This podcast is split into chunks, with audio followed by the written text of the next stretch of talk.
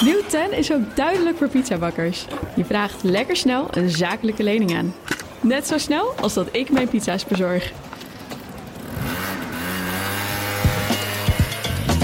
Duidelijk voor ondernemers. Nieuw 10. Je doelen dichterbij. Een initiatief van ABN AMRO.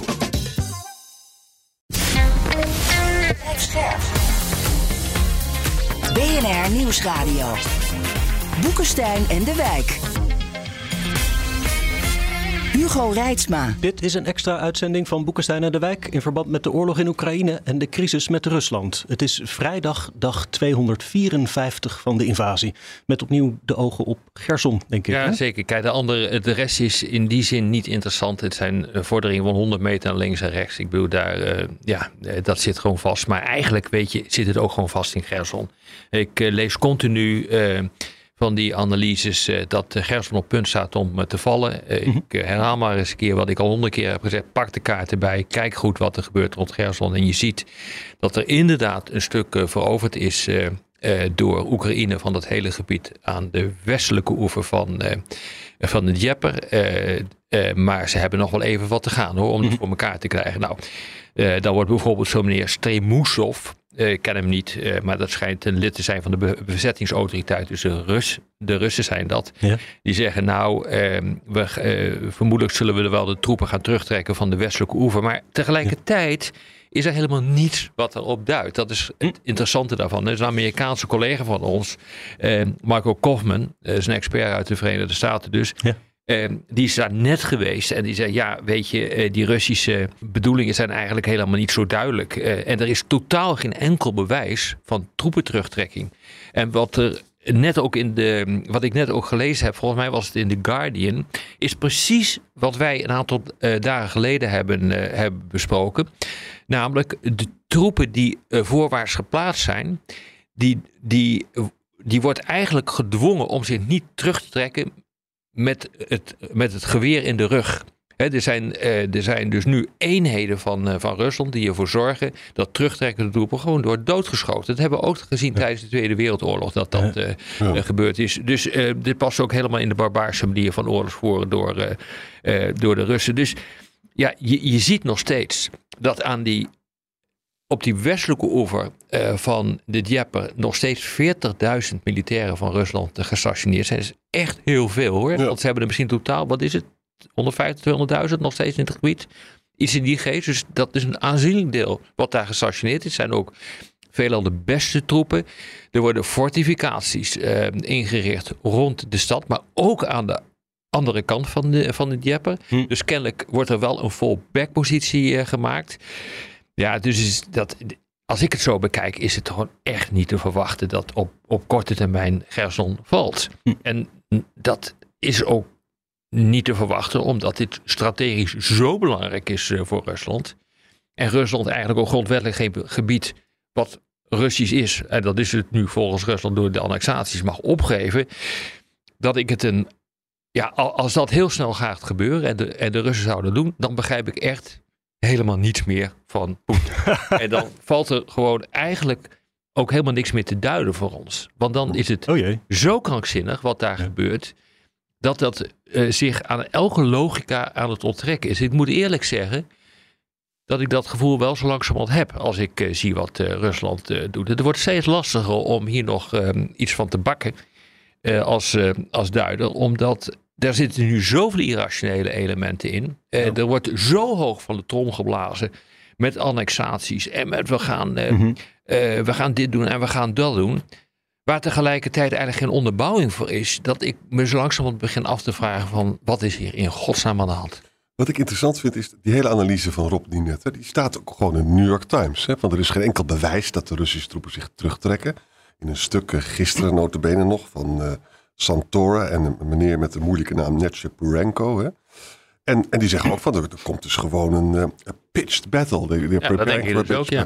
Ja. Nou, voor, voor de, voor- zelf kan je ook bedenken van Oekraïne, die zit, aarzelt natuurlijk ook. Want voordat je nou al die mensen de dood in gaat jagen, je gaat eerst nog eens even nadenken hoe je dat op slimste kan doen. Hè? Maar op Twitter is dus een totaal andere Ja, dat is een heel ander. Maar weet je, jongens, kijk, eh, wij, wij worden natuurlijk eh, nogal eens een keer gemangeld, ook op Twitter. Eh, eh, de ene keer lopen we aan de leiband van, van, van Poetin, de andere keer van Biden, dan weer van Zelensky en ga zo maar door. Ja.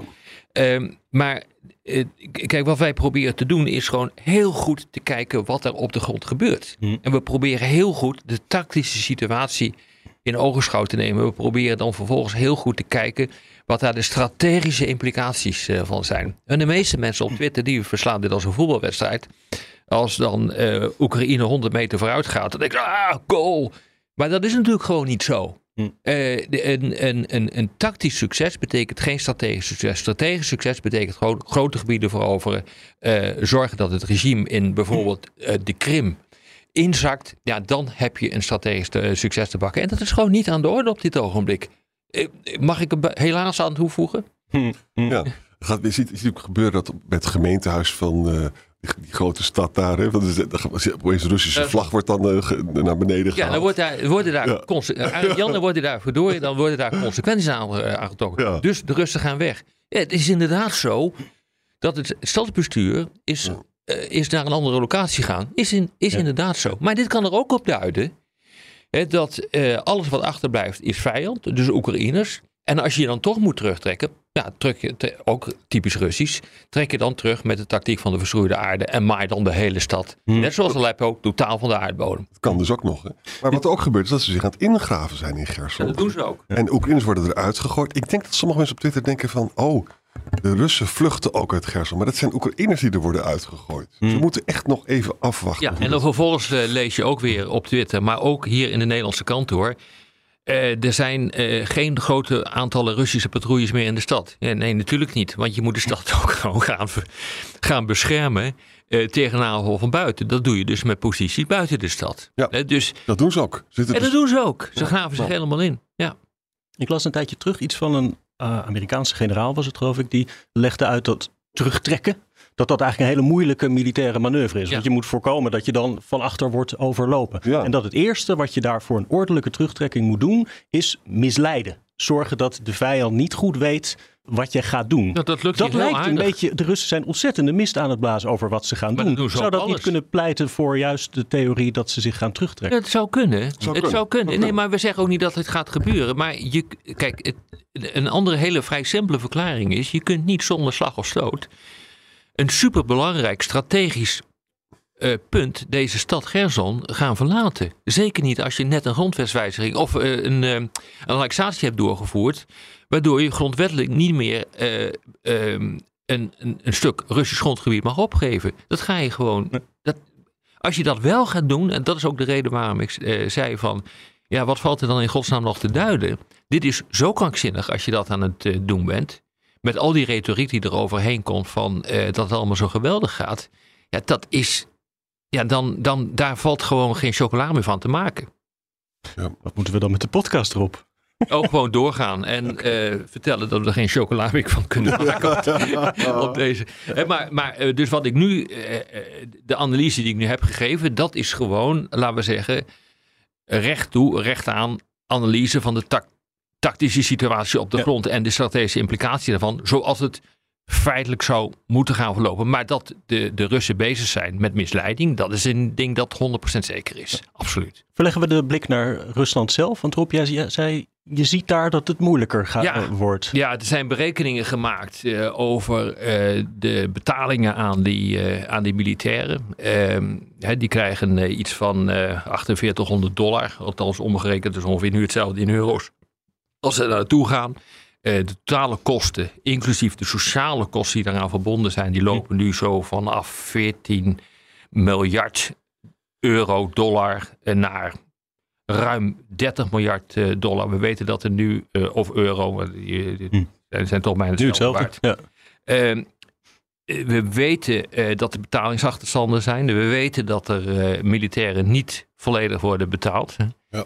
Eh, we weten dat, eh, dat ook hier weer het krankzinnige wat er op dit ogenblik aan de hand is. eh, dan Poetin die dan zegt van we gaan een enorme defensie-industriële basis maken. En dat wordt een motor van onze economie. Maar tegelijkertijd zijn die bevoorra- vo- bevoorradingsketens gewoon kapot. Ik bedoel, hij kan geen, geen halfgeleider meer krijgen. Althans, alleen nog maar via de, via de zwarte markt. Dus het is, het is zo vreemd wat er aan de hand is. De, de, de retoriek die vanuit het, uh, uit het Kremlin komt, staat zo haaks Hmm. op De werkelijkheid. eh, op de werkelijkheid. Losgezongen. Dat ik Ja. me werkelijk afvraag wat hier aan de hand is. En dat betekent dus ook, we kunnen alleen maar scenario's maken, hè, maar het is echt waar wat erop zegt. Dat betekent, op een gegeven moment knalt dit natuurlijk. Hè. Op een gegeven moment dan, en dan gaan er gewoon mensen staan op. eh, bijvoorbeeld die man met die moeilijke naam, hè, Prikovsky, hoe heet hij ook alweer? Prigozhin, hè? Van de Wagner-groep. Ja, dat, dat kan natuurlijk gewoon gebeuren. Als, als, als iedereen duidelijk is dat wat Poetin zegt niets meer heeft te maken met de werkelijkheid, dan gaat het snel hoor. Maar goed, we moeten maar afwachten. Ja, maar ik vind dit een van de meest fascinerende zaken die we op dit ogenblik eh, zien hoor. Die, die, die totale discrepantie tussen wat er echt gaande is en de retoriek. Ja.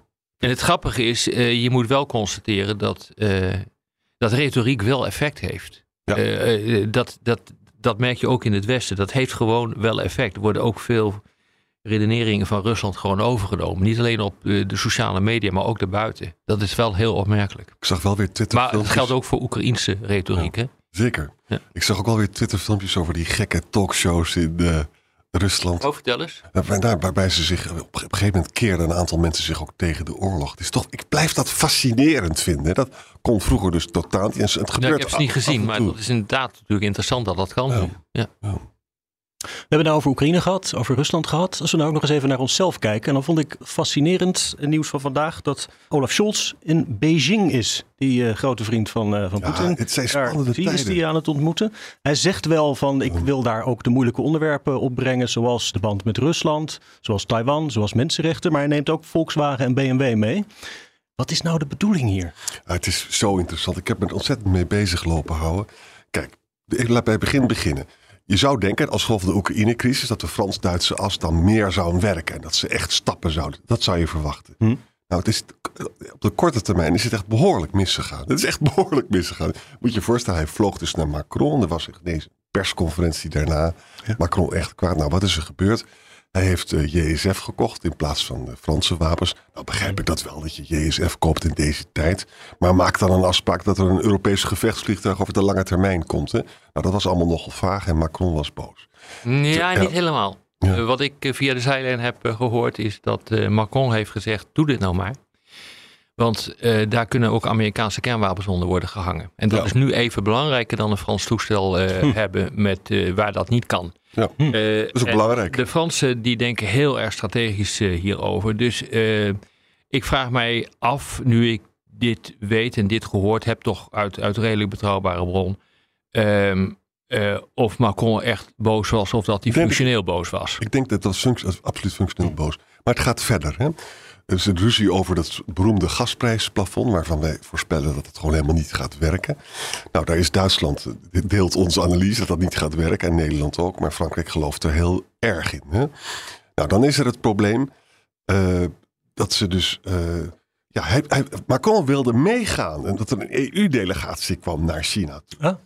En dat, dat, dat is natuurlijk wel te begrijpen, maar dat heeft eh, Os- Oscar dus niet, Scholz heeft dat niet eh, aanvaard. Nou, wat is hier aan de hand? Scholz moet eerst de steun hebben van zijn eigen industrie voordat hij überhaupt Europese dingen kan gaan doen. Hè? Dus BASF gaat mee en zo zijn trouwens heel erg kwaad, want ze zijn maar twaalf uur daar. Anders ze- moeten ze in quarantaine. en al die CEO's zijn ook hartstikke kwaad. Ach. Maar goed, rode draad van deze podcast al jarenlang is dat Duitsland enorme economische belangen heeft in China. Mhm. En dat is ook dat is verdrievoudigd. Vooral de auto-industrie hè, moet je erbij zetten. ja, vooral de auto-industrie. En dat betekent dus, en, Amer- en Amerikanen zijn bezig met economische oorlogvoering met China. En dat wordt steeds erger. Ook een rode draad aan onze. Nou, het is heel duidelijk dat eh Scholz wil gewoon die eh, export van Duitsland naar China veiligstellen en uitbouwen. Ja. En dit, hier gaan we dus nog heel vaak Ja, over dit praten. is echt een groot probleem hoor. Want eh, dat zien we dus nu bij de haven van Hamburg, die Ja. voor een deel eh, in handen komt van, eh, van China. Scholz wil dat, Ja. omdat hij China niet wil schofferen, maar daardoor een hele ongezonde afhankelijkheid gaat creëren van China. Maar wat nog veel ernstiger is, wat ik ook via de zijlijn hoor, is eh wij hebben absoluut om autonomer te worden op high-tech gebied hier een geavanceerde halfgeleiderfabriek nodig. En die moet uit Taiwan komen. Dus TSMC, TSMC de belangrijkste halfgeleiderfabrikant van de wereld, die 90% van de geavanceerde halfgeleiders maakt, zonder dat is gewoon high-tech industrie helemaal niet nodig.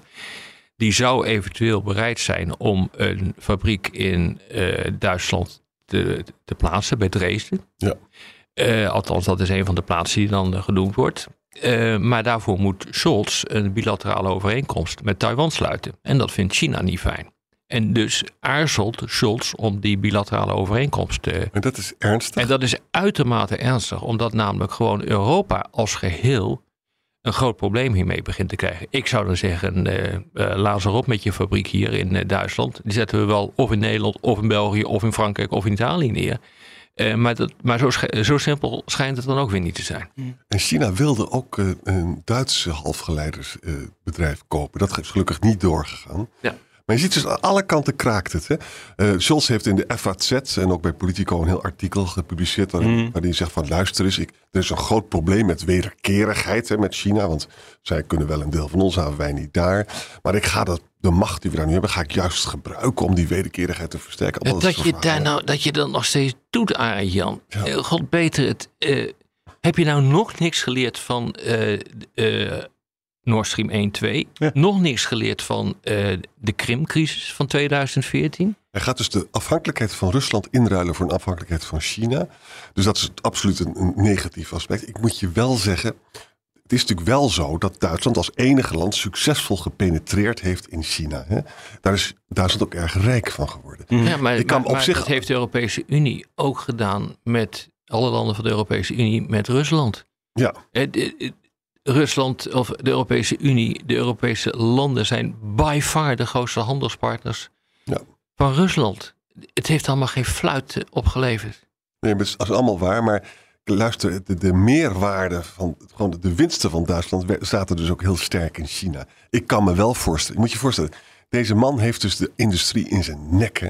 BASF, BMW, Audi, Volkswagen. Mm en ook de vakbonden, hè, SPD, de vakbonden met banen, banen, banen. Mm Dus zijn, zijn uh, bandbreedte is heel klein. Maar goed, uh, hij zegt, hij draait het nu zelf, maar ik ga proberen dus om die afhankelijkheid juist intelli door intelligentie te verminderen. Ja, dat, dat was ook het verhaal met Rusland altijd, maar dat toch? is gewoon echt, ja. dat is een ja, het wandel door dat, wandel. Nee, dat, wandel ja. door handel. Ja. Wandel door maar, handel. Maar, maar, het is echte onzin. Wat, en, en dat, dat, zie je nu weer. Waarop het ook waar is, als, als we gaan deglobaliseren, en dat eigenlijk stuurt Amerika daarop aan, mm -hmm. daar worden we allemaal arm van. Oh ja, absoluut. Want je krijgt handelsoorlogen waardoor wij de grondstoffen niet meer krijgen. Ja. En al die autocratieën hebben de grondstoffen die wij nodig hebben en houden dus onze onze economie in gijzeling. Ja, nee, dit is echt uh, de volgende slag in een, in een, in een strijd die, waar, waarmee eigenlijk de Oekraïne het, het startschot is uh, gegeven. Absoluut. We krijgen gedonder tussen Amerika en de EU over China. Ja, dus zeker. Dat wordt onze volgende podcast. Ja. Dank weer. Tot morgen. Tot morgen. Nieuw 10 is ook duidelijk voor pizzabakkers. Je vraagt lekker snel een zakelijke lening aan. Net zo snel als dat ik mijn pizza's bezorg. Duidelijk voor ondernemers. Nieuw 10, je doelen dichterbij. Een initiatief van ABN AMRO.